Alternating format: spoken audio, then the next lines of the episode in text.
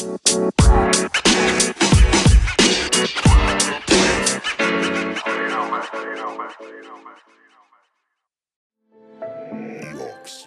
lu masih dengerin lagi podcast Kepo Kepo Kepo episode ke-58 dan ini di seberang sana ini ada yang bisa dibilang teman baru sih. Ini kenal dari bootcamp.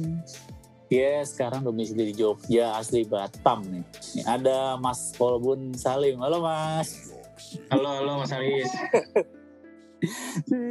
Nih, ya aku pengen tahu di awal sih kayak awal mulanya apa ya? Kayak kan tadi eh Mas Kobun itu kan apa ya? Kalau aku kan tahunya kan motion grafis ya itu Ya, ya.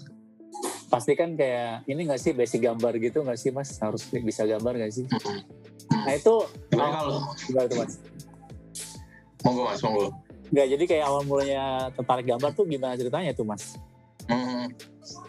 Jadi sebenarnya kalau kalau motion design sendiri, motion graphic sendiri, eh bisa gambar itu bagus. Cuman itu nilai nilai plus sih, bukan bukan basic skill yang harus harus dipunya sih. Ah. Karena dari dari aku sendiri nggak bisa gambar sebenarnya. oh, oke Iya. Eh, animasi, jadi motion itu kan istilah baru percabangan dari animasi gitu. Dulu kan dari iya, iya. mulai animasi dari man- manual dra- manual drawing, Hmm. terus dulu manual scan sampai akhirnya sekarang ke digital gitu kan. iya iya iya Dan motion ini istilah baru, istilah baru belakang-belakangan ini. oh Jadi kalau kalau ditanya apakah harus bisa gambar, nggak juga sebenarnya di motion. Apalagi eh, masuk ke 3D ya, masuk ke software 3D. Bahkan teman-temanku yang memang expert di 3D juga banyak yang nggak bisa gambar gitu. Hmm. Nah, kalau mulai tertarik sama motion graphics itu gimana ceritanya, Mas? sebenarnya awalnya tertarik karena terlanjur nyemplung sih mas sebenarnya. Jadi dulu waktu uh, kuliah di kuliah itu kan di kampus tuh memang ada komunitas multimedianya gitu mas. Hmm. Terus di situ tuh ada ada empat divisi, Iya. divisi graphic design. Terus dulu belum jam belum belum booming UI UX ya istilahnya, jadi masih pakai istilah web design. Cuman kalau sekarang udah ganti UI UX. Iya. Uh, ada ada graphic design, UI UX design, Hmm. broadcast sama uh, VFX animasi. Oh, Nah, terus dari semua ini kan yang yang terasa asing itu kan VFX, VFX animasi ya. Iya. Terus penasaran lah, penasaran coba gabung di situ. hmm. eh, masa ibaratnya masa inkubasi lah anggota baru itu selama setahun. Setelah setahun itu nanti eh, beberapa orang yang mendaftarkan diri dan dipilih itu ibaratnya regenerasi jadi mentor untuk adik-adik yang baru istilahnya gitu. oh, Nah, kebetulan kebetulan di tahun kedua jadi eh, mentor di VFX animasi gitu. Hmm.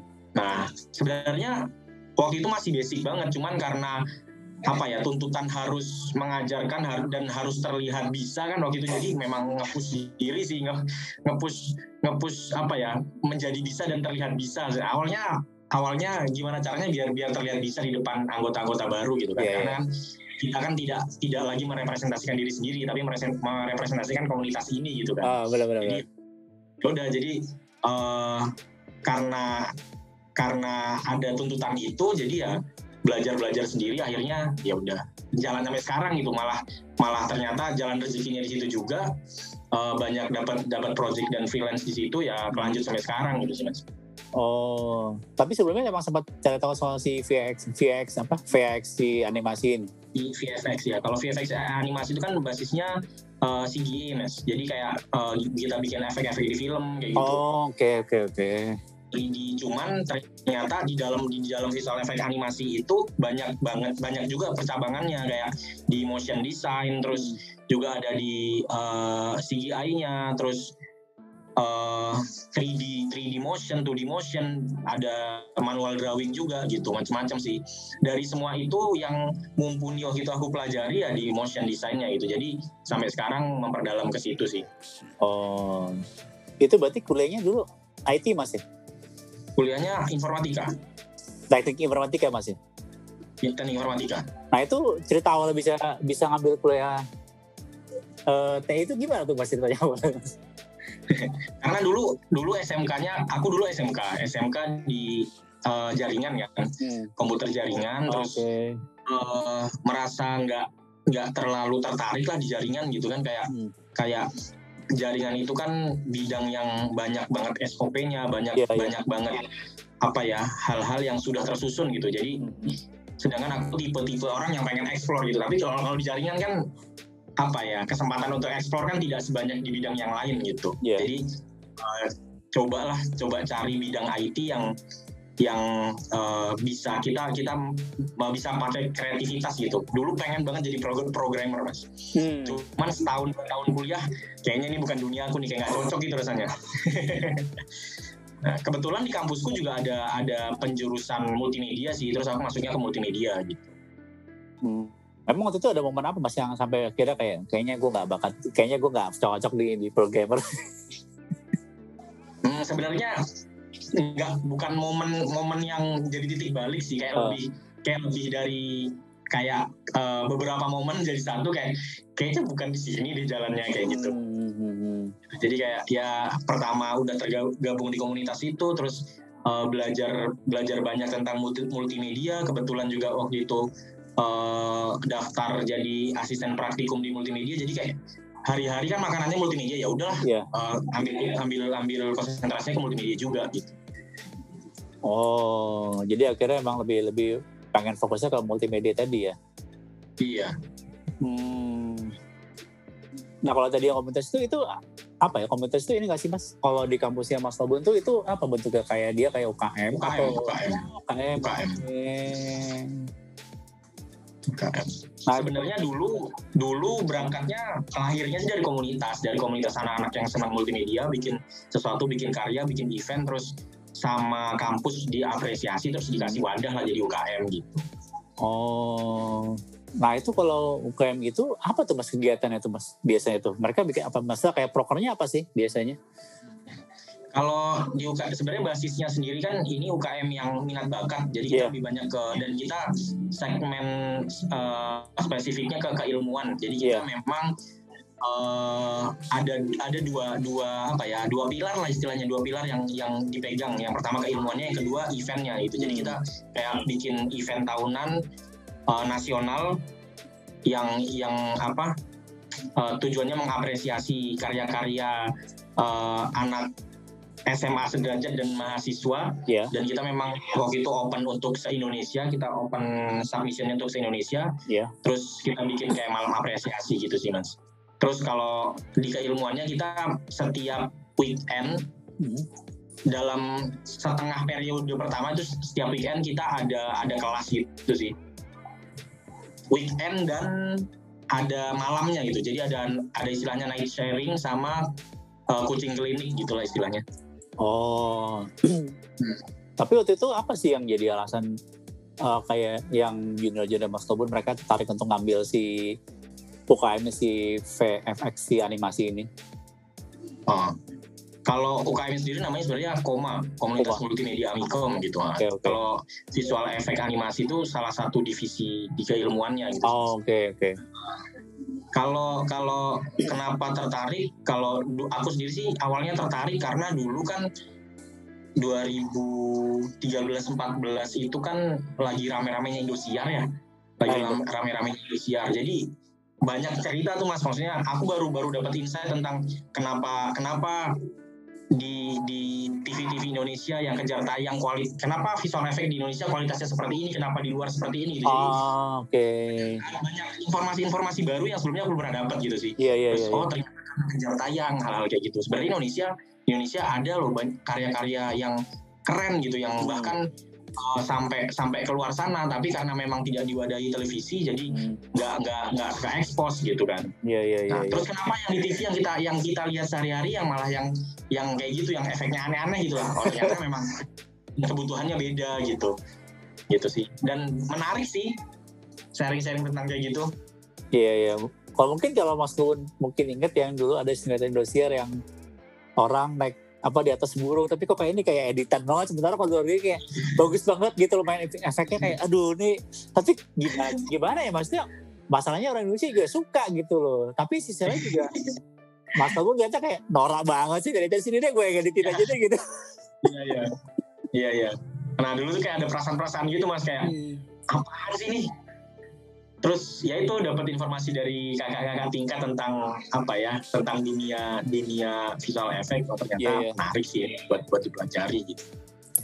Karena dulu tuh juga tahun berapa tuh di Jakarta tuh sempat booming juga tuh yang apa yang uh, motion graphics itu dulu nama sekolahnya apa sih? Hello Motion kalau nggak salah dulu di Jakarta tuh ada. Ah, Hello Motion. Ah itu tuh dulu tuh booming banget. Tapi nggak tahu deh sekarang masih ada nggak ya? aku juga nggak tahu deh gitu. Dulu masih, tuh masih masih, masih ada. ya masih. Itu gue tahu pas ini apa pas kuliah. Jadi ada ada kayak workshopnya gitu. Caranya si siapa namanya Wahyu Aditya nggak usah deh kayak foundernya apa apa gitu. Jadi dia tuh sebelum sebelum gambar apa ya sebelum kan pasti kan dia ada kayak manual drawing. Nah, dia mm-hmm. manual drawingnya itu benar-benar kayak di apa sih kayak di digital gitu loh kayak yeah. di ya. apa jadi kayak dia gambar di tempat gitu aku lupa namanya kayak nge-scan langsung ke bisa langsung masuk ke ke kayak ke komputer gitu waktu itu sih itu 2000 hmm. apa itu lama banget sih kayak oh keren juga ya gitu dan hmm.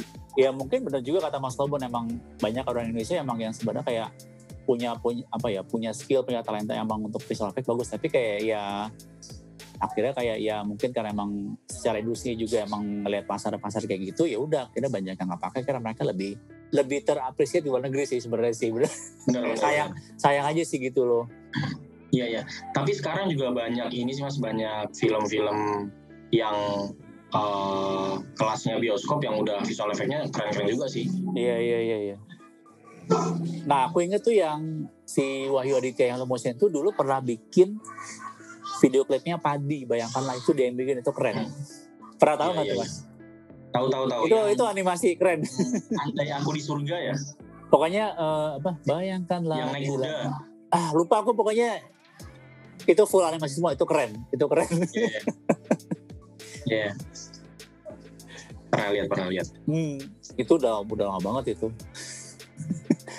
nah balik lagi ke kuliah berarti itu waktu itu uh, selesai kuliah uh, kegiatannya apa tuh mas tetap emang bener-bener selesai kuliah itu emang tetap fokus ke multimedia apa gimana waktu itu mas? Selesai kuliah waktu itu uh, kerja di software house sih software house yang kebetulan ada divisi multimedianya yeah. terus di situ menjadi apa ya orang satu-satunya hmm. jadi hulu ke hilir produksi multimedia megang sendiri gitu mas cuman nggak lama sih di situ nah, cuman kalau secara titelnya itu di situ motion dan graphic designer gitu terus itu sih yang yang yang uh, aku coba uh, jadikan personal brandingku sampai sekarang gitu karena kayaknya kayaknya ini, ini yang paling cocok deh sama sama skill setku gitu. Oh, oh jadi sempat ngerjain desain grafis juga ya selain motion juga mas ya? Uh, dulu berangkatnya dari dari desain dulu mas. Hmm. Dulu sebenarnya di desain juga karena karena nggak sengaja sih. Iya. Waktu waktu SM, SMK magang magangnya di percetakan koran.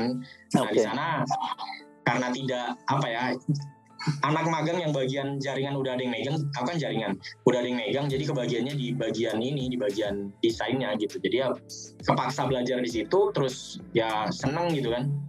Oh, berarti itu dong mas ya? Apa? Ngelewat gitu gak sih jatuhnya? Ngelewat koran gitu gak sih bukan ya? Aku dulu buku. Oh buku, oke. Okay. Dapatnya buku. Dapatnya ngerjain dami buku. Hmm, bikin bikin lewat ya berarti ya mas ya? Lewat, lewat, lewat buku. Oh, nah itu selain dari selesai dari si software itu ke mana waktu itu mas? Dari software house habis itu sebenarnya agak nyasar sih uh, dapat dapat kesempatan kerja di Gilins itu jadi jadi talent manager ya kurang lebih uh, lingkup kerjanya hiring cycle gitu sih mas itu bisa dapat gimana sih pasti itu jauh jauh banget soalnya sama multimedia itu jauh banget jauh banget jauh banget Jadi uh, waktu ah Glins Academy awal-awal kan kerjasanya kerja sama sama kerjasamanya sama Binar kan ya? Iya. Yeah. Nah, waktu si country manajernya kan office-nya di Batam tuh. Okay. Nah, yang yang yang dari Batam itu ke Jogja. Nah, waktu ke Jogja sambil MO, MOU-an sama Binar hmm. itu dia ngontak kebetulan kan di sini ada ada asrama Batam ya ngontaklah ke asrama Batam gitu oh mereka pengen cari anak-anak IT yang sekarang lagi kuliah di Jogja untuk besok dibawa pulang ke Batam istilahnya kayak gitu untuk untuk jadi programmer lah untuk yeah. jadi tenaga IT karena gitu kan karena kan di Batam kan sekarang memang digadang-gadang lagi bikin Silicon Valley-nya Indonesia gitu. Oke. Okay. Jadi lagi industri IT untuk Indonesia bahkan Apple Academy yang kemarin kemarin kita obrolin itu juga kan bukannya di Batam. Oh itu baru buat di Batam ya? Uh, kayaknya di kalau nggak salah di Binus sudah ada, cuman yang baru itu di Batam gitu. Enggak mas. Di Jakarta ada. Di Batam tuh masa baru baru buka ya? Iya baru buka. Oh oke okay, oke okay, oke. Okay. Baru 2000 baru setahunan kali ya. Hmm oke. Okay. Gitu sih. Terus gimana tuh mas? Nah, terus terus terus uh, kebetulan waktu itu aku jadi kayak ke semacam ketua himpunan organisasi daerah lah di sini. Hmm. Terus representasi anak Batam lah yeah, yeah, yeah ngobrol-ngobrol-ngobrol kebetulan aku akan anak IT juga gitu kan iya, iya. anak IT presentasi teman-teman dari Batam ngobrol terus mungkin nyambung sih mungkin nyambung terus uh, bisa nggak kumpulin anak-anak Batam kita ngobrol lah tentang opportunity ini gitu kan Oke. Okay. Oh bisa bang bisa ya udah kumpulin beberapa teman-teman hmm. terus uh, kita ngobrol bareng semacam mini event lah gitu. Iya. Yeah. Mini sharing lah mini sharing gitu kan ya udah sharing dari situ. Terus setelah itu uh, dari mereka juga keliling beberapa kampus, aku juga menghubungkan mereka ke kampusku kan karena kampus yeah. kan memang resourceful untuk IT kan untuk yeah, yeah. tenaga IT terus ya udah habis itu mereka uh, ada wacana gini uh, kayaknya Jogja kita bakal buka buka cabang di Jogja gitu hmm. nanti misalkan misalkan kita butuh apa apa bisa bisa bantu nggak oh boleh bang siap gitu kan oh, kebetulan aku juga waktu itu lagi skripsian kan lagi nulis yeah. skripsi juga terus ya udah kalau nggak salah itu Februari Februari 2018 kali ya hmm. terus September di telepon Jogja mau buka nih mau bantu nggak gitu? Boleh boleh gitu. Ya udah bantu. Terus uh, awalnya sih bantu ini sih kayak operasional cari-cari kantor terus uh, nyari ya hal-hal yang operasional untuk kantor yeah. lah. Terus uh. terus uh, mereka kan open recruitment untuk talent manager. Kalau nggak salah itu 12 orang. Iya. Yeah. nah terus sekalian tawarin mau sekalian nggak jadi talent manager? gitu kan. Waduh maksudnya aku nggak tahu dunianya nih gitu kan. Iya iya iya, iya.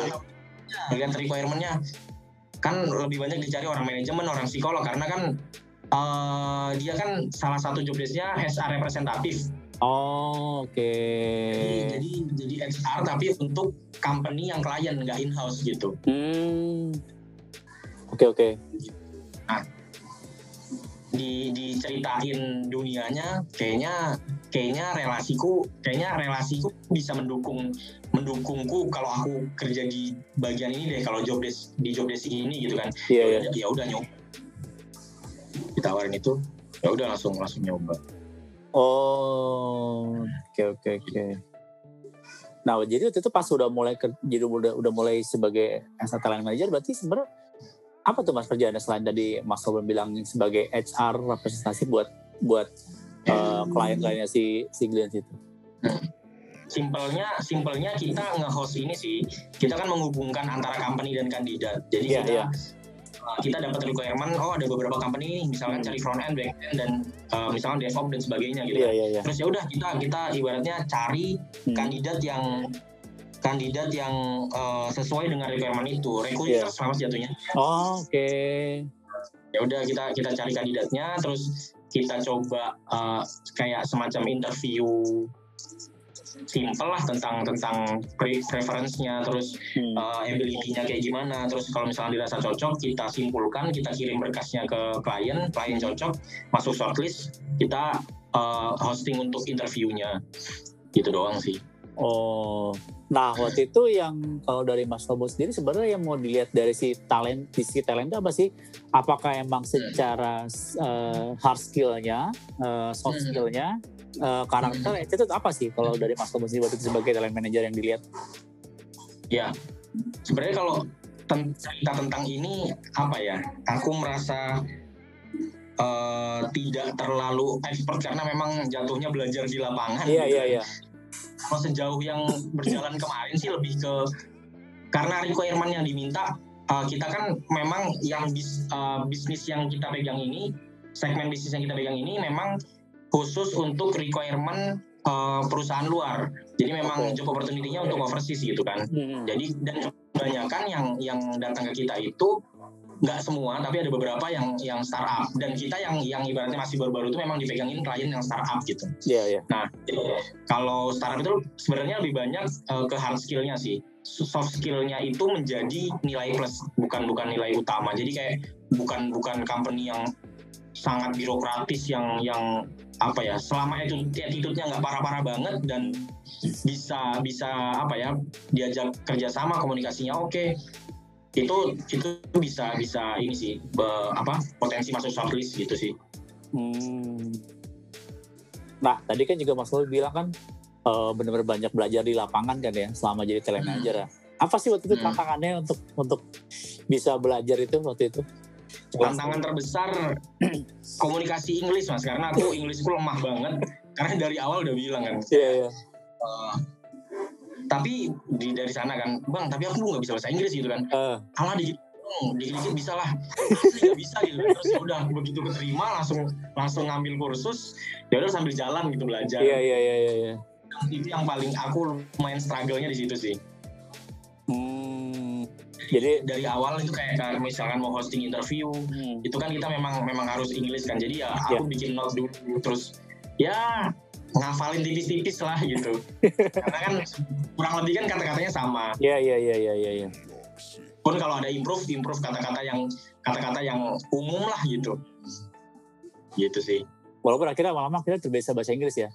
Kalau lama-lama interaksi sama dari klien yang dari dari luar dari overseas gitu ya. Iya. Ya lumayan lah, lumayan, lumayan belajar banget dari situ gitu kan. Tapi waktu itu ini gak sih mas waktu emang lagi pas lagi emang nyari talent talent buat si klien ini, hmm. emang apa ya dari segi talentanya emang sebenarnya waktu itu emang banyak banget, sedikit banget atau atau gimana sih waktu itu mas? Kayak secara kuantitasnya? Hmm. Uh, sebenarnya kan value yang dijual sama company waktu itu adalah company overseas bisa mendapatkan uh, tenaga kerja dengan kualitas yang bagus tapi yeah. dengan uh, rate rate yang lebih murah daripada di negara mereka gitu. Yeah, Dan yeah, untuk yeah. kandidat Indonesia benefitnya adalah bisa mendapatkan rate yang lebih tinggi daripada yang ada di Indonesia gitu. Apalagi makanya gitu nembaknya uh, ke Jogja juga kan karena kan salary Jogja sekian terus ini jadi oper, apa namanya opportunity yang bagus lah buat teman-teman uh, developer dan teman-teman yang berkecimpung di dunia IT gitu. Iya yeah, iya yeah, iya yeah, sih. Jadi lebih lebih ke lebih ke pertukaran value itu sih. Hmm. Tapi waktu itu emang banyak sih mas, uh, emang apa ya talenta talenta yang tersedia untuk untuk untuk ya direkomend ke klien-kliennya si si Glenn waktu itu secara kuantitas. Hmm. Secara kuantitas banyak mas, hmm. secara kuantitas banyak, apalagi apalagi Jogja ya sekian yeah. banyak kampus yang memang ada jurusan IT-nya. Yeah, Tapi yeah. memang kendalanya sejauh yang aku temui kendalanya sama sih uh, English Englishnya oh. sih iya iya. Banyak yang kompeten banyak banget mas, cuman kendala di Inggris. Dan itu sampai sekarang ya maksudnya juga aku juga ngeliat kayak ya Binar aja punya kantor Jogja terus kayak aku tahu teman aku aja anak uh, Shopee di hmm. Jogja ada gitu loh kayak buat kayaknya kayak buat kontak center gitu deh kayaknya deh. Kayak ya, center, ah, banyak banget gitu loh. Berarti emang emang berarti emang secara apa ya secara daerah emang Jogja emang untuk talenta IT-nya sampai sekarang emang udah udah lumayan banget. banget ya. Hmm, itu emang emang kalau yang Mas lihat Mas Kobonet emang emang faktor emang banyak kampus yang kampus IT atau emang ada faktor lain sih Mas hmm. sebenarnya? Kampus, komunitas, karena yang aku rasain selama di Jogja sih, Jogja ini kuat dengan komunitasnya sih Mas. Uh. Jadi ibaratnya kalau di Jogja mau jadi apa pun ada jalannya gitu. Oh, Oke. Okay. Ada komunitasnya, ada teman belajarnya gitu. Hmm itu sih itu itu mungkin yang yang juga menjadi Jogja disebut kota pelajar kan jadi yeah, yeah. komunitas kuat terus uh, bang apa namanya banyak banyak tenaga tenaga yang kompeten di bidang-bidangnya gitu. Hmm. Nah tapi itu pas Mas Kobun sebagai ya talent manager masih sempat hmm. mikirin si motion grafisnya nggak tuh? Sambil jalan freelance. Sambil jalan, oh, oke. Okay. Uh, karena ya itu apa namanya uh, tawaran project jalan terus alhamdulillah kalau ditolak sayang kan yeah, yeah, yeah. terus juga sambil jalan kan mikir juga aku di di bidang ini juga baru terus juga kayaknya nggak nggak kayaknya nggak cocok kalau selamanya di bidang ini gitu kan Iya, jadi iya, iya. ya mempertahankan value utama lah mempertahankan apa namanya speciality yang mencoba dibangun di awal gitu Hmm. Tapi waktu Mas Kobun itu ngambil posisi sebagai talent manager, apakah itu termasuk apa ya profesi yang mau Mas Kobun kayak cukup menantang atau kayak ya udah coba dulu aja lah ntar lihat gimana atau gimana Mas waktu itu Mas? Cukup menantang Hmm. cukup apa ya eh, senang sih senang lihat-lihat eh, lingkungan kerjanya terus Iya iya. eh, dari dari nggak tahu ya di, situ merasakan kalau di organisasi kan selalu ada istilah profesional yang gak keluargaan padahal kan Oh, iya, iya. kata yang Be- dua be- kata kok yang gitu jadi Iya iya. aku sama di organisasi pun tidak merasakan dua hal ini berjalan berjalan beriringan gitu tapi Oh. tapi di company yang ini terasa itu kayak memang benar-benar berjalan gitu loh Oh. kadang kadang kadang satu community yang kuat kuat kekeluargaannya biasanya prof- profesionalitasnya rendah gitu. Ya, iya benar benar. ada juga yang ada ada ada juga yang profesionalitasnya tinggi kekeluargaannya rendah banyak sikut-sikutan gitu kan. Tapi aku merasa di tempat kemarin kayak oh ternyata ini bisa berjalan beriringan nggak cuman nggak cuman redaksi-redaksi doang ternyata gitu. Itu sih yang yang bikin uh, senang di situ gitu Itu contoh case-nya kayak gimana tuh Mas? Bisa ngelihat antara si profesional sama kekeluargaan itu bisa hal bisa berjalan beriringan tuh. Waktu itu gimana contoh contoh kasus yang benar-benar yang ngeliat- yang Mas Kobun lihat langsung tuh? Iya. Atau yang ngerasain kayak- langsung lah? Nah, jadi kayak uh, contoh case kecil lah ya kayak setiap orang kita punya KPI masing-masing tapi uh, setiap individu yang ada di tim itu kebetulan selalu terbuka dan willing to help sih kalau misalnya teman-teman yang lain Hmm. uh, kesulitan gitu. Padahal kesulitan yang kita hadapi juga job desk-nya mereka. Iya iya iya. maksudnya mereka uh, kalau waktunya digunakan untuk job desk mereka sendiri mereka bisa lebih powerful. Cuman mereka tidak menutup diri untuk mau bantu satu satu, satu sama lain gitu sih. Jadi teamworknya menurutku sangat ini sih sangat sangat membangun lah gitu Oh, seperti Mbok. Kalau misalkan dari secara apa ya, secara kompan eh, company culture gimana tuh Mas? Mas kalau melihat itu si si Hmm. apa sih Glenn ini waktu itu? Hmm, ya jadi kayak kita didorong untuk selalu selalu apa ya uh, speak up apa yang kita rasakan dan sebagainya kita seminggu sekali kayak ada istilahnya all hands gitu kan kita uh, ngobrolin ya kayak kayak retro retro retro perspektif gitu sih Oke oke. Uh, kayak gitu sih. Karena waktu kita belum belum mengenal istilah-istilah kayak gitu kan. Jadi kayak Iya iya. gila nih keren banget ada kayak ginian gitu. Karena yang di kantor yang sebelumnya aku gak merasakan itu. Gitu. Jadi kayak udah kerja kerjamu kerja desk teknis gitu doang gitu loh. Hmm. gitu. Jadi kayak nggak nggak merasa diwadahi secara mungkin secara mental kali ya. Iya iya iya. kayak kayak kayak kita secara mental juga dijaga di situ gitu. Oh, yang aku rasain gitu. Jadi kayak bener-bener emang apa ya, memang nuansa kerja di startupnya bener-bener berasa banget itu Mas ya. iya iya iya iya Berapa lama tuh di Mas di sisi kita di, di gimana? satu sisi kita dipaksa untuk Oh, cepat hmm. tapi uh, di satu sisi kita juga didampingi terus gitu sih oh. Dan emang waktu itu secepat apa sih Mas? Apa ya kayak ritme kerjanya waktu itu di di sana itu?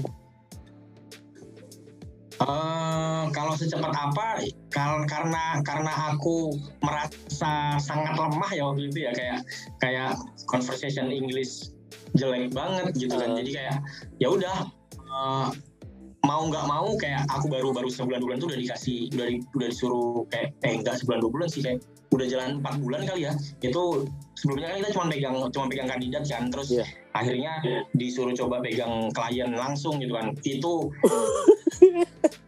parah sih. Itu deg-degan banget Deg-degan banget ya, deg-degan.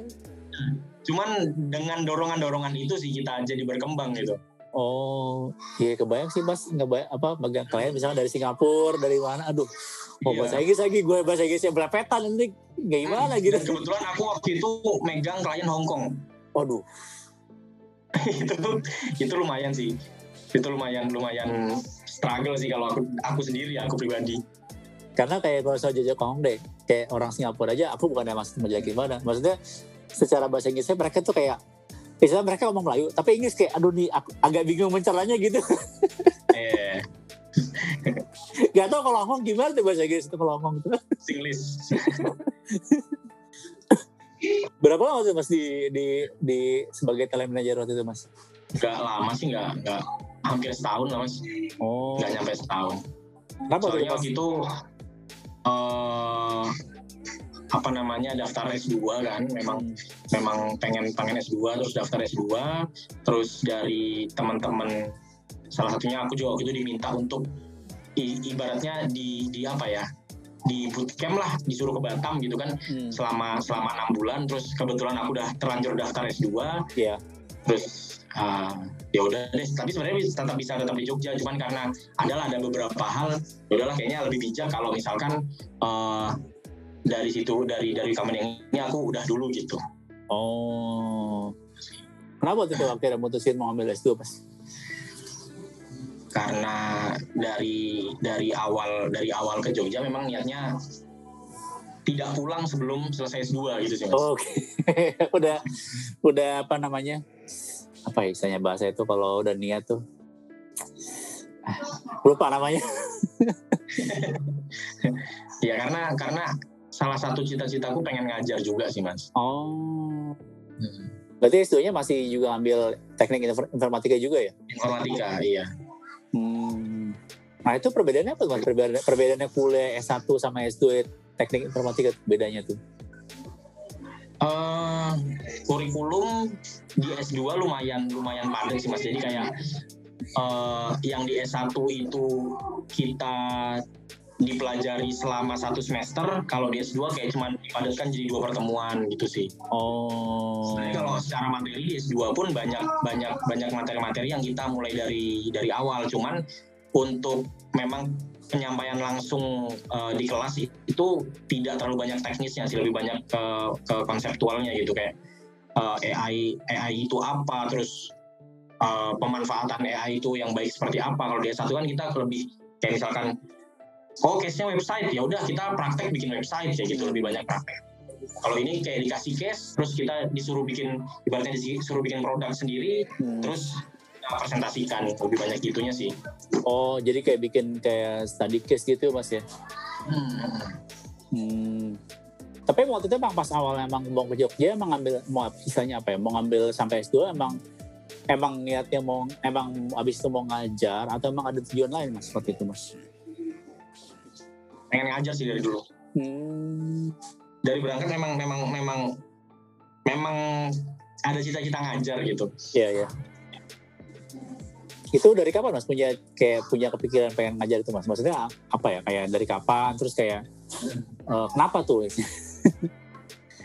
dari lulus lulus SMK sih Hmm. kayak gitu karena karena orang tua dua-duanya eh, terjun dan sampai hari ini masih di dunia pendidikan gitu kan. Terus kayak kayak aku sendiri eh, ngambil bidang waktu itu kan teknik komputer jaringan yang sebenarnya awalnya nggak kepikiran ke arah pendidikan. Cuman ya salah satu cita-cita orang tua pengen anak-anaknya jadi pendidik gitu. Ya udah eh, apa namanya kita kita akan sampai kepada hilir yang sama tapi dengan metodenya masing-masing dengan Iya, jalan iya, iya, masing-masing iya. Kayak gitu. Berarti kayak bisa dibilang kayak Mas Kobun ini gitu kayak punya style ngajar sendiri gitu nggak sih? Hmm, dulu sempat kepikiran gitu. Hmm. Cuman kayaknya kalau sekarang ditanya gitu, kayaknya harus harus turun lagi deh karena udah lama enggak sih, udah lama enggak enggak eh, ngomong dalam konotasi ngajar ya. Karena dulu kan kayak di komunitas, terus juga sering kayak bikin sharing-sharing gitu, terus kayak di organisasi juga juga apa ya, sering mentoring gitu. Cuman kalau sekarang udah udah lama sih kayak gitu. Jadi kalau misalkan style kayaknya ya harus bangun lagi sih. Bangun lagi harus, ya. harus, harus, harus ba- nyoba lagi sih. Kayak mu- mulainya kayak dari apa? Dari komunitas dulu ya baru ntar ke babar ke apa institusi pendidikan gitu ya Mas ya? Hmm, makanya dulu eh, apa namanya semangat banget ngambil ngambil opportunity jadi asisten praktikum, asisten dosen gitu-gitu. Hmm. Pokoknya semua daftarin aja. Bahkan aku ngambil mata kuliah yang aku cukup tidak paham di sana. Aku ngambil aku asisten asisten di statis statistik mas. Padahal aku di situ lemah sih sebenarnya. Statistik emang emang ini sih emang memusingkan sih. Aku juga sama. Iya. Waktu itu sih mikirnya gini. eh, katanya sih kalau di di dunia pendidikan dosen ataupun guru kita ada momen-momen di mana kita harus bisa mengajarkan sesuatu yang bahkan kita harus bisa paham di malam sebelumnya gitu kan iya iya iya iya jadi apa ya yang yang kira-kira apa namanya aku nggak terlalu paham tapi kalau harus belajar nggak struggle struggle banget lah. Waktu itu ada salah statistik ya udah cobalah gitu. Oh. Jadi itu malamnya belajar paginya disampaikan sorenya udah lupa. SKS ya ini sih lebih ke untuk melatih mental di situ sih mental terus gimana gimana kita menghadapi sesuatu di saat kita dalam keadaan dia tertekan juga sih gitu. Ya ya gitu karena nggak semua orang bisa ngajar loh mas, susah loh itu. Iya. Maksudnya ya. nyampein materi apa? Secara kita nyampein materi sama kayak kita gimana cara apa ya? handle handle crowd tuh itu nggak itu hmm. nggak hmm. gampang mas beneran ya. Makanya sampai uh, kan ada pengajar-pengajar yang nggak tahu ya kalau aku ada ada ada sedikit perasaan kayak ketika ada seorang pengajar datang ke kelas hmm. dia niatkan ke sana untuk bekerja atau mengabdi kayak yeah. terasa gitu loh yang oh. yang datang yang datang untuk yang menjadi pengajar untuk menjadi profesi sama yang da datang ke kelas untuk mengabdikan ilmunya kepada muridnya kayak terasa gitu mas. Iya iya iya iya. Ya pengen belajar gimana ya caranya jadi orang yang datang ke kelas itu untuk mengabdi bukan bukan untuk bekerja gitu. Jadi emang ngajar tuh udah jadi passionnya gitu ya mas ya? Iya iya kayak ketemu dosen guru itu gila keren banget gitu loh kayak apa ya, ya kayak seakan seolah-olah ketika dia di depan di depan siswa-siswanya atau mahasiswanya kayak ya dunianya ini kayak dia udah gak punya dunia lain gitu kayak yeah, yeah, dari kita mandangnya kayak gitu loh dan mungkin juga faktor ya. dan mandang mandang si dosen ini bukan dosen gitu kan iya iya jadi kayak orang tua aja gitu ya orang tua yeah, yeah, yeah, aja yeah. gitu. itu jarang gak sih mas? Ada dosen kayak gitu pengajar ya, gitu? jarang sih. iya. Makanya ketemu ada ketemu satu dua kayak gila nih keren banget harus bisa kayak gini besok gitu. Iya iya iya. Nah itu emang emang kalau yang yang Mas Tobun nemuin yang satu dua dosen gitu apa yang menarik dari mereka? Itu dari dari apa ya? Dari metode pengajaran itu yang akhirnya kayak gue harus kayak dia nih satu saat nih. Hmm. Hmm. ya dari metode pengajaran pendekatan mereka uh, ke ke mahasiswanya hmm. kayak mereka friendly tapi kita tetap segan gitu karena ya value-nya terasa gitu sih Iya iya, apalagi kalau ini mungkin yang lebih enak ya kayak dosen-dosen muda yang kayak istilahnya kayak kalau kata dosennya, hmm. gue tuh pernah di posisi lo jadi gue ngerti apa yang lo rasain gitu. ya ada beberapa juga kayak gitu. Karena juga aku juga ada juga teman yang emang uh, dosen, dia hitungannya kayak masih mau jadi dosen. Ketika dia ngadepin uh, jadi dosennya kayak gue tanya, gue tanya gimana lo ngadepin istilahnya apa uh, siswa? Gue kayak lagi ngeliat gue dulu mas oh iya. Jadi karena udah tahu dari dulu jadi kayak cara nge itu pun enak bener-bener bener-bener apa ya iya, bener-bener yeah. kayak ya kayak temen aja gitu loh. Ya yeah. uh, gitu sih. Jadi kayak seolah-olah kita terhipnotis iya yeah, iya. apa ya si dosen punya genjutsu gitu kan terus kita terasa kayak ya ya tertenggelam aja di situ gitu hmm, dan ya benar jarang juga sih ada dosen gitu langka sih uh, bro maksudnya yeah. dosen istilahnya dosen senior sekalipun juga belum tentu ada yang kayak gitu benar benar tapi kalau balik lagi ke motion graphics itu Mas Labun itu emang hanya sebagai apa ya? Sebagai praktisi atau emang sempat ngajar juga sih? Hmm, mungkin secara secara legal ngajar enggak ya, tapi kayak sering di komunitas terus kalau di kampus kan juga sering ada kunjungan-kunjungan dari dari SMA, dari yeah, kampus yeah. lain gitu kan. Iya. Yeah. Uh, dulu waktu kuliah juga sering bantu dosen untuk ngisi workshop gitu sih. Hmm. Ngisi workshop juga uh, juga ada beberapa kayak undangan gitu ngisi-ngisi workshop terus kemarin 2018 atau 19 ya diminta sama Direktorat Pajak juga ngisi workshop nasionalnya mereka lah gitu. Ya secara secara mungkin lebih ke praktisi sih ya kalau secara legal sebagai uh, pendidik di bidang itu kayaknya belum sih. Tapi kalau dari awal belajar, apa ya kali awal tahun sampai sekarang, apa sih mas yang jadi challenge-nya kayak untuk dalamin si motion grafis ini? Kalau challenge-nya sendiri mem, gimana ya? Kalau ibaratnya kita kita berhadapan sama sama visual ya, visual ya. itu kan bagaimana kita ada istilah namanya semiotika. Jadi permainan yeah. simbol bagaimana kita merepresentasikan merepresentasikan uh, sesuatu melalui simbol gitu kan. Iya, yeah, iya. Yeah. Ya. yang mungkin sering main tarot paham tentang semiotika. Iya, iya, paham itu. nah, kalau di visual kan gitu. Jadi yeah, yeah. semakin semiotik visual tersebut akan semakin mahal. Terus hmm. ketemu ketemu dengan itu kan di desain ya. Terus yeah. ketemu dengan motion jadi uh, ngerasa kayak membuat sesuatu yang sesuatu yang sudah hidup dibuat lebih hidup lagi gitu sih itu itu yang bikin salah satu yang bikin pengen terus explore di situ terus kalau challenge-nya ya ini sih karena kayak uh, butuh butuh gear device yang lebih yang lebih mumpuni gitu gitu. Tapi nggak sebenarnya nggak menutup kemungkinan dengan uh, laptop laptop desain standar untuk bisa belajar gitu. Tapi untuk ke arah ke arah expert memang butuh device yang lebih itu sih mungkin yang yang cukup challenge challenging sampai ini. Jadi kayak tapi itu jadi jadi salah satu apa ya motivasi. Karena kan upgrade device itu apalagi buat orang-orang yang kayak baru belajar kayak aku juga upgrade device itu kayak jadi checkpointnya kita gitu loh mas. Iya iya iya hal penting kan oh, hal penting banget. Jadi kayak oh aku punya target nih uh, mau mau device yang kayak gini ya udah yeah, iya. gimana yeah. caranya uh, cari project sampai dapat nilai segitu dapat udah dapat ini kita bikin sesuatu yang lebih mungkin lebih bisa menjual lagi gitu terus. Itu sih. Karena emang kalau kerjaan ya, emang kalau kerjaan di bidang tech emang harus selalu ini sih ya kita harus selalu update dengan teknologi sih ya. Karena ngebantu ngebantu kerja kita gitu kan. Entah programmer entah uh, developer entah apa desain grafis atau motion grafis gitu atau UX gitu. Iya iya. Tapi kalau dari motion ini nggak sih mas, kok aku kayak kalau dari cerita mas Hukum tadi kayak sebenarnya perlu nggak sih yang namanya storytelling itu di sebuah motion grafis mas? Perlu tergantung job sih mas. Kalau misalkan di kita hanya mengajarkan mengajarkan kita hanya mengerjakan teknis yang biasanya kan kita bikin brief tuh kalau misalnya kita kerja tim kita bikin yeah. brief kayak udah ada detailnya ini bakal motion ke mana motion ke mana ini gerakannya gimana hmm. kalau misalnya kita spesifik di bagian motionnya doang sebenarnya storytelling itu menjadi nilai plus aja sih. Oh. Gak harus. Tapi kalau misalkan kita mau memang memang lebih lebih paham, lebih lebih bisa membangun rasa dari gerakan yang dibangun, storytelling penting banget gitu. Oh, berarti tergantung jobnya sama kayak ini ya apa? Apa yang mau dikerjain juga ya masih berarti ya? Hmm, sama kayak misalkan di UI UX deh. Hmm. Uh, Sebenarnya tanpa tanpa punya apa ya? Uh, punya skill research kalau memang spesifiknya di UI terus udah ada desain sistemnya udah ada requirementnya kan sebenarnya udah udah sangat mumpuni untuk satu bidang itu gitu iya iya iya iya ya.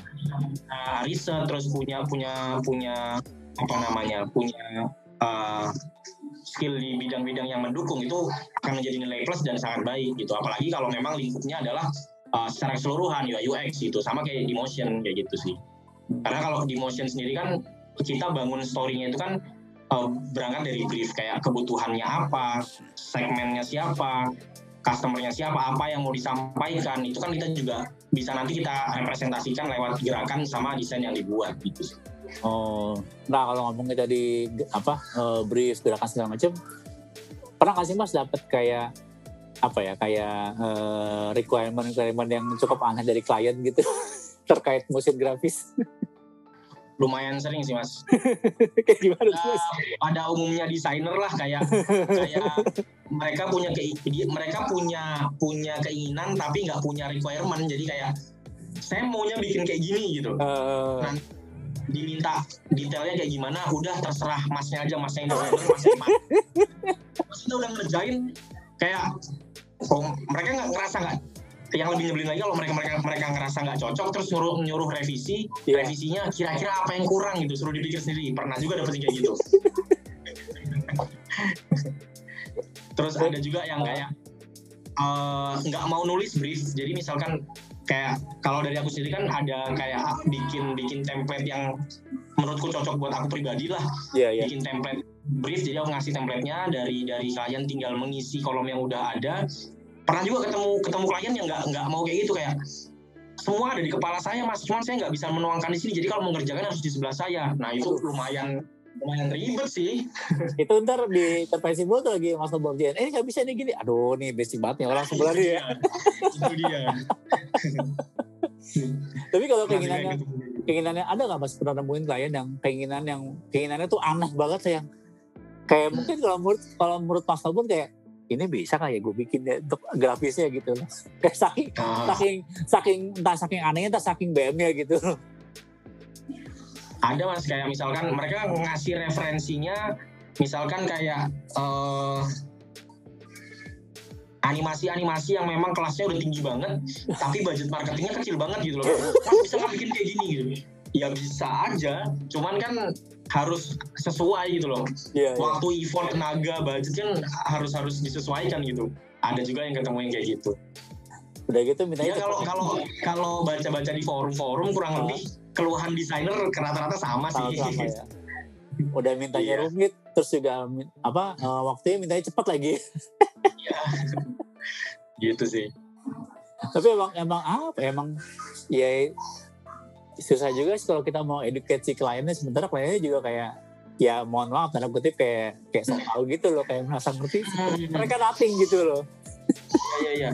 Itu sih yang yang jadi PR-nya kita, jadi PR-nya desainer gimana caranya uh, ketika interaksi sama klien kita nggak cuman uh, provide visual atau provide apa ya? Hmm. uh, provide kebutuhan marketingnya mereka tapi kita juga kita juga provide edukasi kita kasih masukan tentang sudut pandang kita sudut pandang uh, yang akan dilihat sama customernya mereka gitu-gitu sih.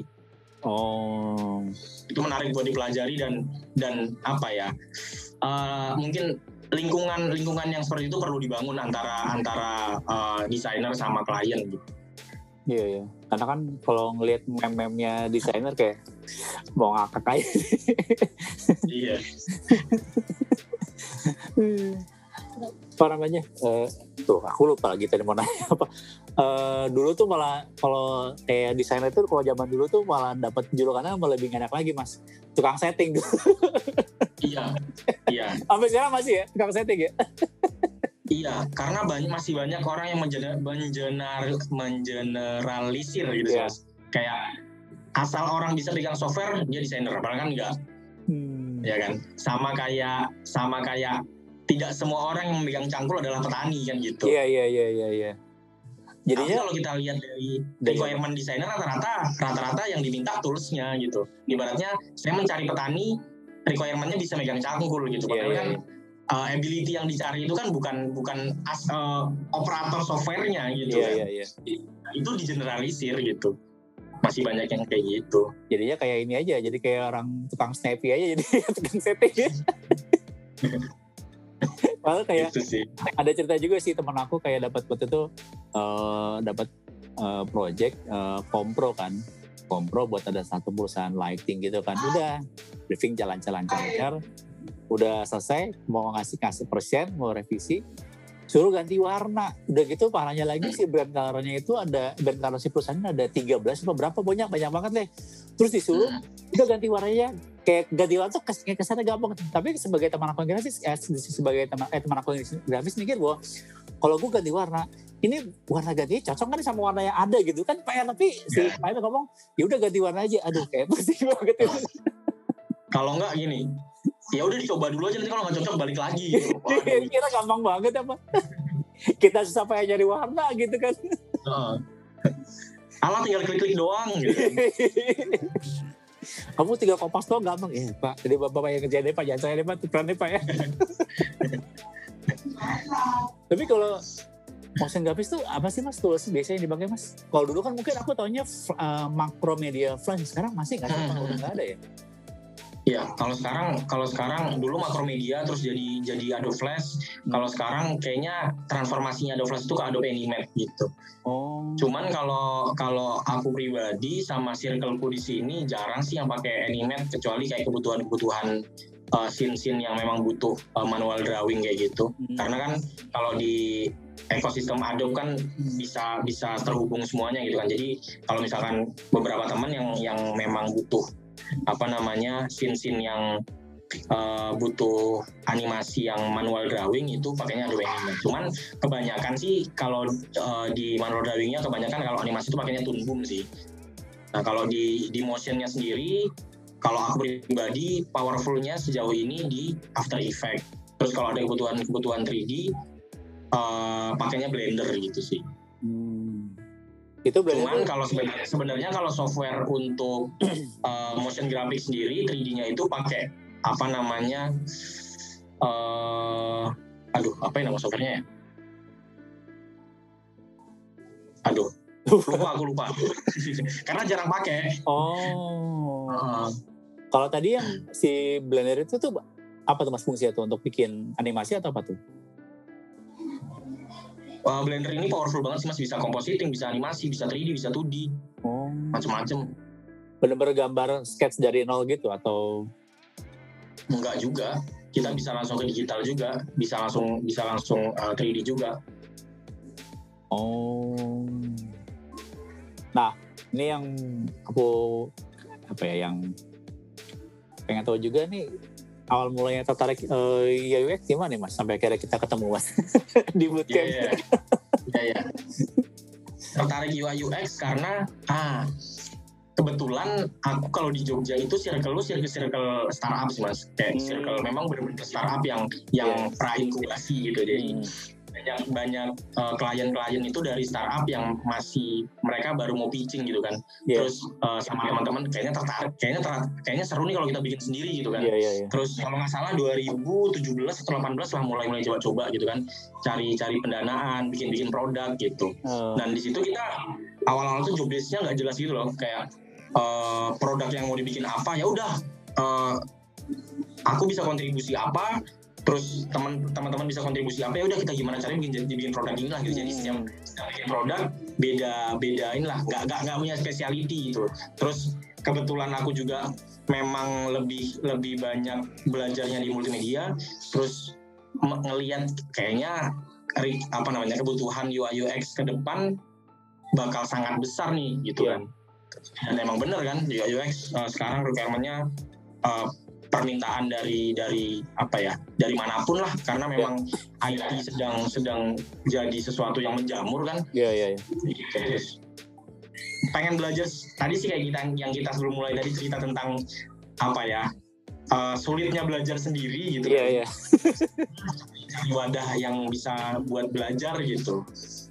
Ketemulah sinergi kemarin. Hmm ketemu sinergi daftar cuman karena memang programnya beasiswa jadi kayak lebih banyak kita di ini sih apa ya kendalinya lebih banyak ke lembaganya kan jadi daftarnya ke UI UX masuknya ke back end.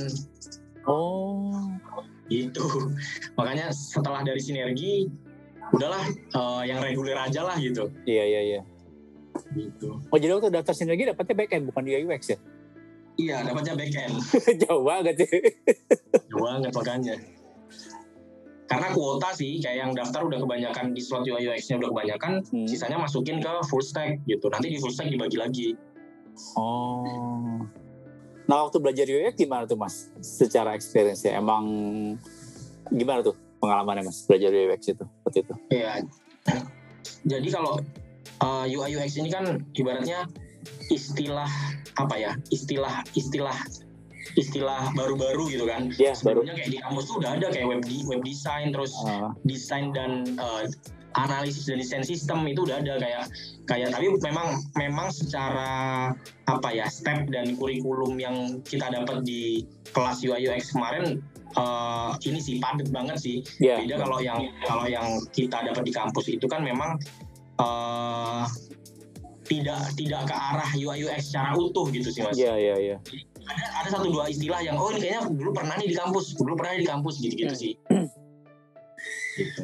termasuk ya dulu Dan, kalau di apa komputer tuh di komputer istilahnya apa? Kalau UX itu human computer interaction ya? HCI HCI oh. ya HCI ya itu juga. Dulu kalau kalau nggak salah di S1 aku ada mata kuliah uh, interaksi manusia dan komputer namanya.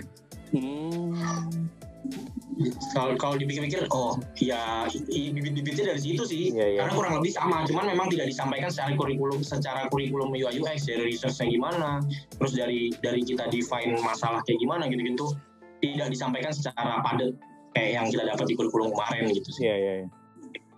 Nah kemarin pas belajar UX itu kan ada uh, sisi yang uh, research, sisi yang apa namanya uh, UX design sama UI design. Nah itu tuh kemarin selama ikut bootcamp itu Mas Kolbun tuh apa ya kayak lebih suka sama part mana sama lebih challenge di part mana waktu itu?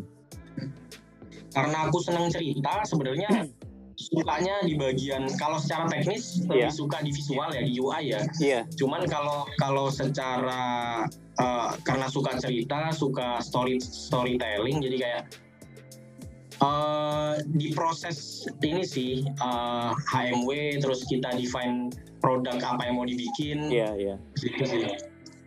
Oh, apa udah masuk ke tahap POV customer journey gitu-gitu ya? Iya, iya, iya.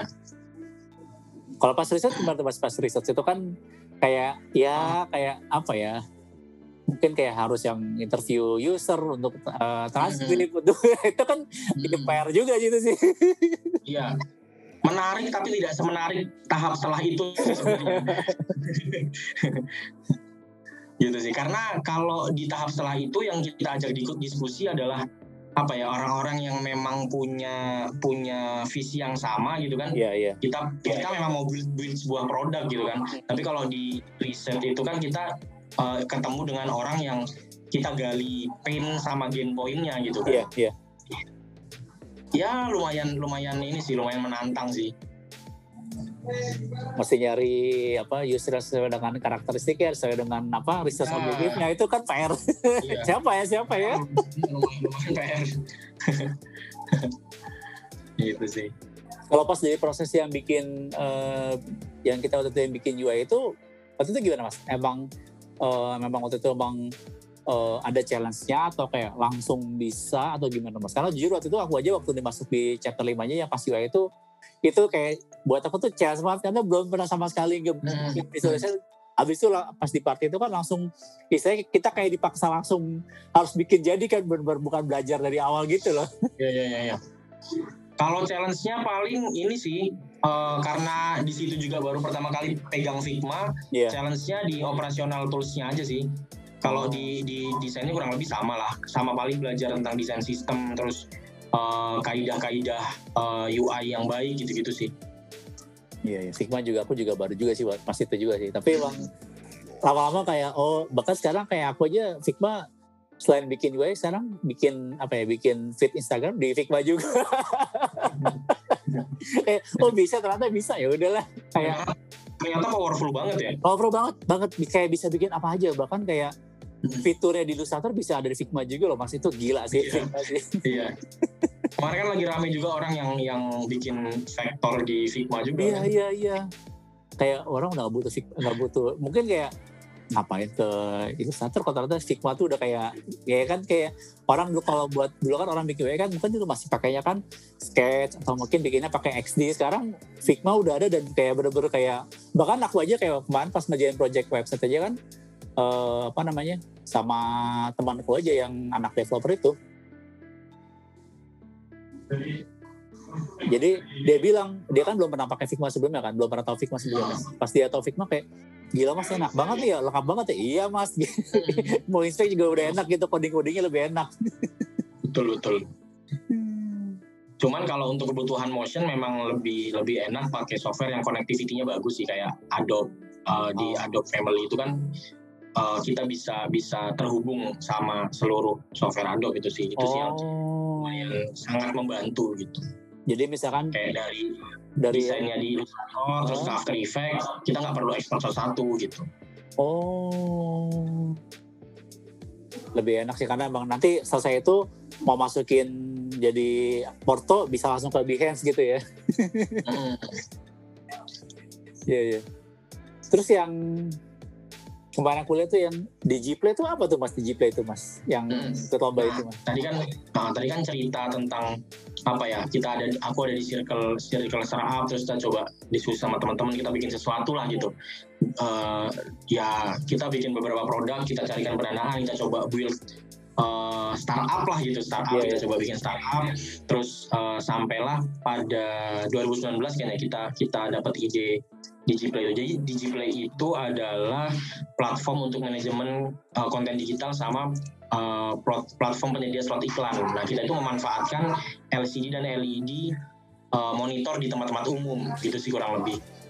Nah ini ini positioningnya itu ibaratnya kayak solusi baru untuk beriklan UMKM karena kita segmennya kok UMKM. Kalau mau mau iklan di TV kan pasti mahal. Terus yeah. kalau kita mau iklan di apa namanya baliho atau videotron itu kan untuk me, men, menyisipkan uh, apa namanya call to action kayak nomor telepon dan sebagainya yeah. itu kan tidak kondusif karena lagi di jalan kan. Iya yeah, iya iya terus uh, jadilah Digiplay mungkin kalau Mas Mas Haris pernah ketemu kayak uh, mobil yang yang belakangnya pakai layar atau uh, di Indomaret misalkan kayak di belakangnya kasir kan ada TV-TV. Oh iya iya iya iya. dia kan dia kan kontennya ad semua kan, nah, kurang lebih yeah. itu. Cuman kita bikin segmennya uh, untuk UMKM dan semua bisa akses ke market marketplace-nya. Jadi nanti bentuknya itu marketplace platform bisa jual beli gitu. Gitu. Yang dijual belikan adalah slot iklan. Dan segmennya UMKM ya? Segmennya UMKM. Oh iya sih, karena UMKM kalau misalkan mau pasang iklan benar ke agensi langsung juga secara budget juga mereka juga ya mereka nggak cukup lah untuk biaya marketingnya kan istilahnya kan. Ya, betul. Nah itu waktu itu itu mas apa uh, sempat bikin apps jadinya nggak atau akhirnya berhenti di lomba aja waktu itu? Sekarang kita lagi uh, lagi uh, bikin MVP-nya mas karena kemarin kan uh, dapat pendanaan dari konsorsium okay. pendanaan COVID hmm. di, di, di, di dari siapa yang ada LPD, LPDP oh, iya. dari LPDP kita dapat dapat pendanaan lah untuk untuk uh, build MVP-nya sekarang sekarang masih proses sih mas. Iya. Yeah. Kemarin sih target awal tahun kita udah udah uh, bisa distribusikan gitu. Cuman kalau sekarang ternyata dalam prosesnya kita masih masih butuh waktu lagi gitu sih. Oh, tapi ini gak sih mas, udah sempat bikin ini gak sih uh, istilahnya produk roadmap ya? Produk roadmap udah udah. Oh udah. Satu hari karena, jadi hmm? uh, untuk untuk platformnya sedang dibangun, hmm? terus mobile apps-nya juga lagi-lagi dibikin. Oh oke okay, oke. Okay. Gitu itu ntar bakal emang di apa ya area Jogja aja atau emang akan gimana tuh mas kayak start awalnya tuh? Hmm, harapannya sih nasional, cuman kalau startnya memang kita area Jogja karena kita juga sekarang lagi target untuk ikut ke Indigo, Indigo apa yang namanya? Eh, programnya Telkom. Gitu, Telkom ya ya untuk kayak Indigo apa ya? Apa, Indigo Nation atau apa gitu? Ini inkubator apa akselerator aku lupa deh itu. Inkubator dan akselerator. Oh, iya iya iya dia dia keduanya sih bisa keduanya. Nah kalau sekarang sekarang ke, uh, DigiPlay ini lagi ikut bootcampnya. Jadi bootcamp pra Indigo apa yang namanya? Uh, customer validation apa gitu. Oh. Besok tapi, banget baru mulai bootcamp bootcampnya nih mas. Hmm, tapi dengan besok banget. apa namanya? Ini kan sekarang kita udah setahun ini ngadepin covid ya. Hmm. kan pasti juga secara nggak langsung berdampak juga ke UMKM kan Benar. Nah itu ngubah strategi bisnisnya si Digital nggak sih mas atau gimana mas? Sebenarnya justru malah masuk banget mas karena kita kan dari awal positioningnya adalah solusi baru yang uh, murah dan efektif untuk uh, media beriklan gitu. Iya, Jadi iya. di di konsorsium sendiri narasi yang kita uh, bangun di produk ini memang segmentasinya untuk UMKM membantu UMKM untuk bangkit dari uh, COVID ini gitu sih. Oh. Jadi jadi sebenarnya nggak nggak merubah-merubah banget. Malah jadi peluang Mas, banget ya? Iya, malah jadi peluang karena masih dalam case yang sama. Oh, cuman memang karena karena ada COVID, jadi momen yang pas aja gitu kan. Mungkin kalau ada COVID ya, iya iya iya iya iya iya. iya. Nah kalau yang tadi satu lagi apa mas? Yang tadi IoT itu apa Usman namanya tadi? Uh, Usman, Usman. Hmm. Itu gimana, gimana? Itu apa tuh mas tuh? Kalau Usman ini bentuknya robot sih, bentuknya robot, kurang lebih panjangnya kayak satu saf sholat. Jadi uh, dia ini UVC sterilizer untuk lantai masjid. Oh, gitu. Oke, okay. pinter sih itu, keren sih itu. Belum ada ide kayak gitu sih mas. Sebenarnya kan kalau kalau uh, eh, UVC kan udah udah banyak sih mas penerapannya kayak di kotak obat, terus yeah, di iya. ruangan-ruangan yeah. kesehatan gitu-gitu kan. Nah ini coba kita implementasikan di lantai masjid gitu karena uh, kita ke masjid itu sholat lima waktu sehari udah yeah. pasti interaksi antara lantai dan orang beribadah juga yeah. sering gitu kan kalau harus dipel secara terus menerus kan repot gitu terus kalau harus disemprot disinfektan mungkin uh, lebih lebih tidak merepotkan daripada ngepel cuman hmm. ternyata disinfektan itu kan meninggalkan residu gitu. Yeah, yeah, Jadi kalau yeah. misalnya secara langsung uh, kita terhindar dari SARS-CoV-2 tapi malah ada peluang penyakit baru gitu. Penyakit baru. Oh. Nah kalau UVC ini kan selama tidak terpapar secara langsung itu yeah. uh, aman gitu. Jadi di kita sterilisasi sambil ada orang sholat pun nggak masalah gitu karena kita memang desain robotnya itu sinarnya terisolasi dan hanya mengarah ke lantai yang dilewati. Hmm, belum ada nggak ada yang kepikiran ya untuk bikin di masjid ya baru kepikiran mas tahu. Masih orang udah sebenarnya sebenarnya udah udah ada produknya cuman memang yang kita unggulkan adalah autonomous sistemnya jadi kita bisa bisa uh, kendalinya by mobile apps gitu. Oh, kayak kayak berarti kayak ini ya apa? Kayak aku tahu kalau ini nggak tahu nyambung atau kayak sekarang kan kayak buat kayak uh, remote AC aja bisa pakai dari dari dari mau dari handphone kan? Atau yeah, kayak yeah, yeah. Uh, apa CCTV itu yang merek Xiaomi kan bisa dari handphone. Berarti kayak gitu ya? Berarti untuk kontrolnya dari bisa dari handphone ya? Iya bisa dari handphone. Uh, fitur yang kita kita unggulkan sih fitur ini ya fitur otomatisnya. Jadi kita bisa bikin eh bisa bikin kita bisa bisa menjalankan rekaman gitu istilahnya kita jalankan secara manual jadi kayak main mobil remote uh, sesuai dengan media lantai masjidnya yeah. nanti untuk selanjut selanjutnya tinggal play aja otomatis dia udah jalan sesuai dengan rekaman yang sebelumnya jadi merekam gerakan gitu Oh, merekam gerakan. Dan itu bisa kita setting jadwalnya juga, Mas. Jadi kayak uh, sehari sholat lima waktu, misalkan mau di sterilisasi sebelum dan sesudah sholat, yeah. kita tinggal kayak bikin kayak nyeting alarm alarm di HP doang gitu. Iya, yeah, iya, yeah, iya. Yeah, dia dia selama dia ditaruh di tempat start dan uh, titik yang sama dia bakal uh, sterilisasi secara otomatis gitu sih. Oh, jadi di, si robot ini ngebaca apa kayak untuk nanti untuk kayak next cleaningnya ngebaca dari yang sebelumnya gitu ya, track apa kayak historical sebelumnya ya. Oh. oh. Itu mau pakai itu emang uh, IoT kayak, kayak gitu masih jujur aku belum tahu banyak sih soal uh, IoT ini. Hmm. Sebenarnya IoT itu kan interaksi antara hardware dan eh hardware interaksi antara mesin dan mesin Hmm. Tidak ada campur tangan manusia istilahnya kayak gitu. Iya, iya. Jadi uh, IoT-nya di mana? IoT-nya adalah yang menggerakkan nanti adalah si smartphone-nya istilahnya gitu. Oh. Kan kalau di mode manual, mode manual yang menggerakkan manusia, tapi kalau dari mode otomatis kan kita udah manusianya udah lepas tangan ya berarti gitu. Iya, iya, iya.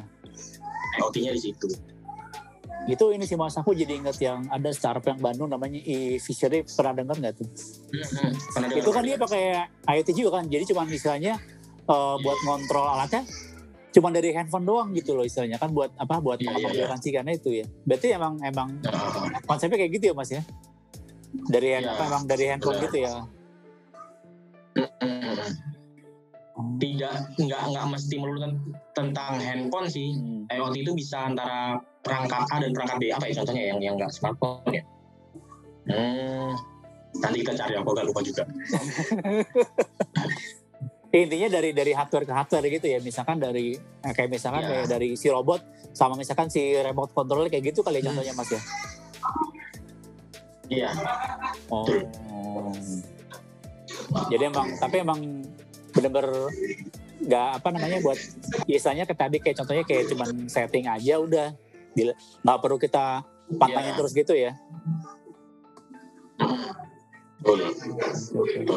Jadi kemarin kita coba ikutin beberapa uh, lomba kompetisi, terus juga kemarin itu ikut uh, yang diadakan sama Kominfo, namanya Identik, terus kita terpilih di di kategori R&D itu di juara dua dan 2020 ini nanti uh, di apa namanya menjadi perwakilan Indonesia di ASEAN ICT Award gitu sih. Bos, mantap.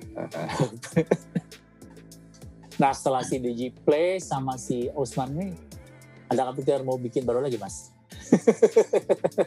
bikin baru belum belum ini sih kita coba apa namanya ini kan lagi jalan juga yeah. nanti misalkan biasa ini tidak tidak apa ya uh, ada ada sesuatu yang lebih berpotensi mungkin kita bakal bakal mikir ke sana. Cuman kalau sekarang kita coba fokus ke sini. Oh. Tapi sebenarnya dari Digiplay sama Usman sendiri aku cuman bagian kecil dari tim sih Mas. Jadi kayak uh, ide-ide ide-ide cerdasnya dari dari teman-teman tim sebenarnya. Hmm. Sih. Nah di situ kok fungsi Mas Thomas sebagai batu di di tim itu? Uh, lebih banyak ke kayak UI UX terus uh, ngerjain ngerjain visual konten marketing hmm. gitu sih Oh. Cuman kalau secara berkas, kalau di Digiplay, secara berkas CEO. Hmm. Cuman ya nggak nggak pede-pede banget sih. Iya iya iya. Karena emang kurang lebih uh, banyak hal yang kita kerjakan itu masih masih gotong royong lah barengan gitu. Hmm. Belum belum sesuai dengan tupoksinya gitu karena ya kayak uh, di produk ini si A jadi CEO di produk ini si A yeah, jadi yeah. CEO cuman di Ziplay aku CEO-nya gitu. Cuman ya secara secara fungsional yang berjalan belum sesuai belum sesuai sama tupoksinya gitu. Ya karena mengawal jadi kayak CEO pun bisa bisa ikut ngerjain masalah iya, finance juga gitu loh. Belum belum. Ya belum nambah tim lah istilahnya kan. Hmm. gitu sih Oke deh, Mas Labun, thank you ya. Udah mau aku kepoin lebih jauh lagi. ya, makasih Mas Aris. Uh, sorry kalau misalkan ceritanya tidak menarik dan terlalu banyak cabangnya. Apa-apa, malah menarik.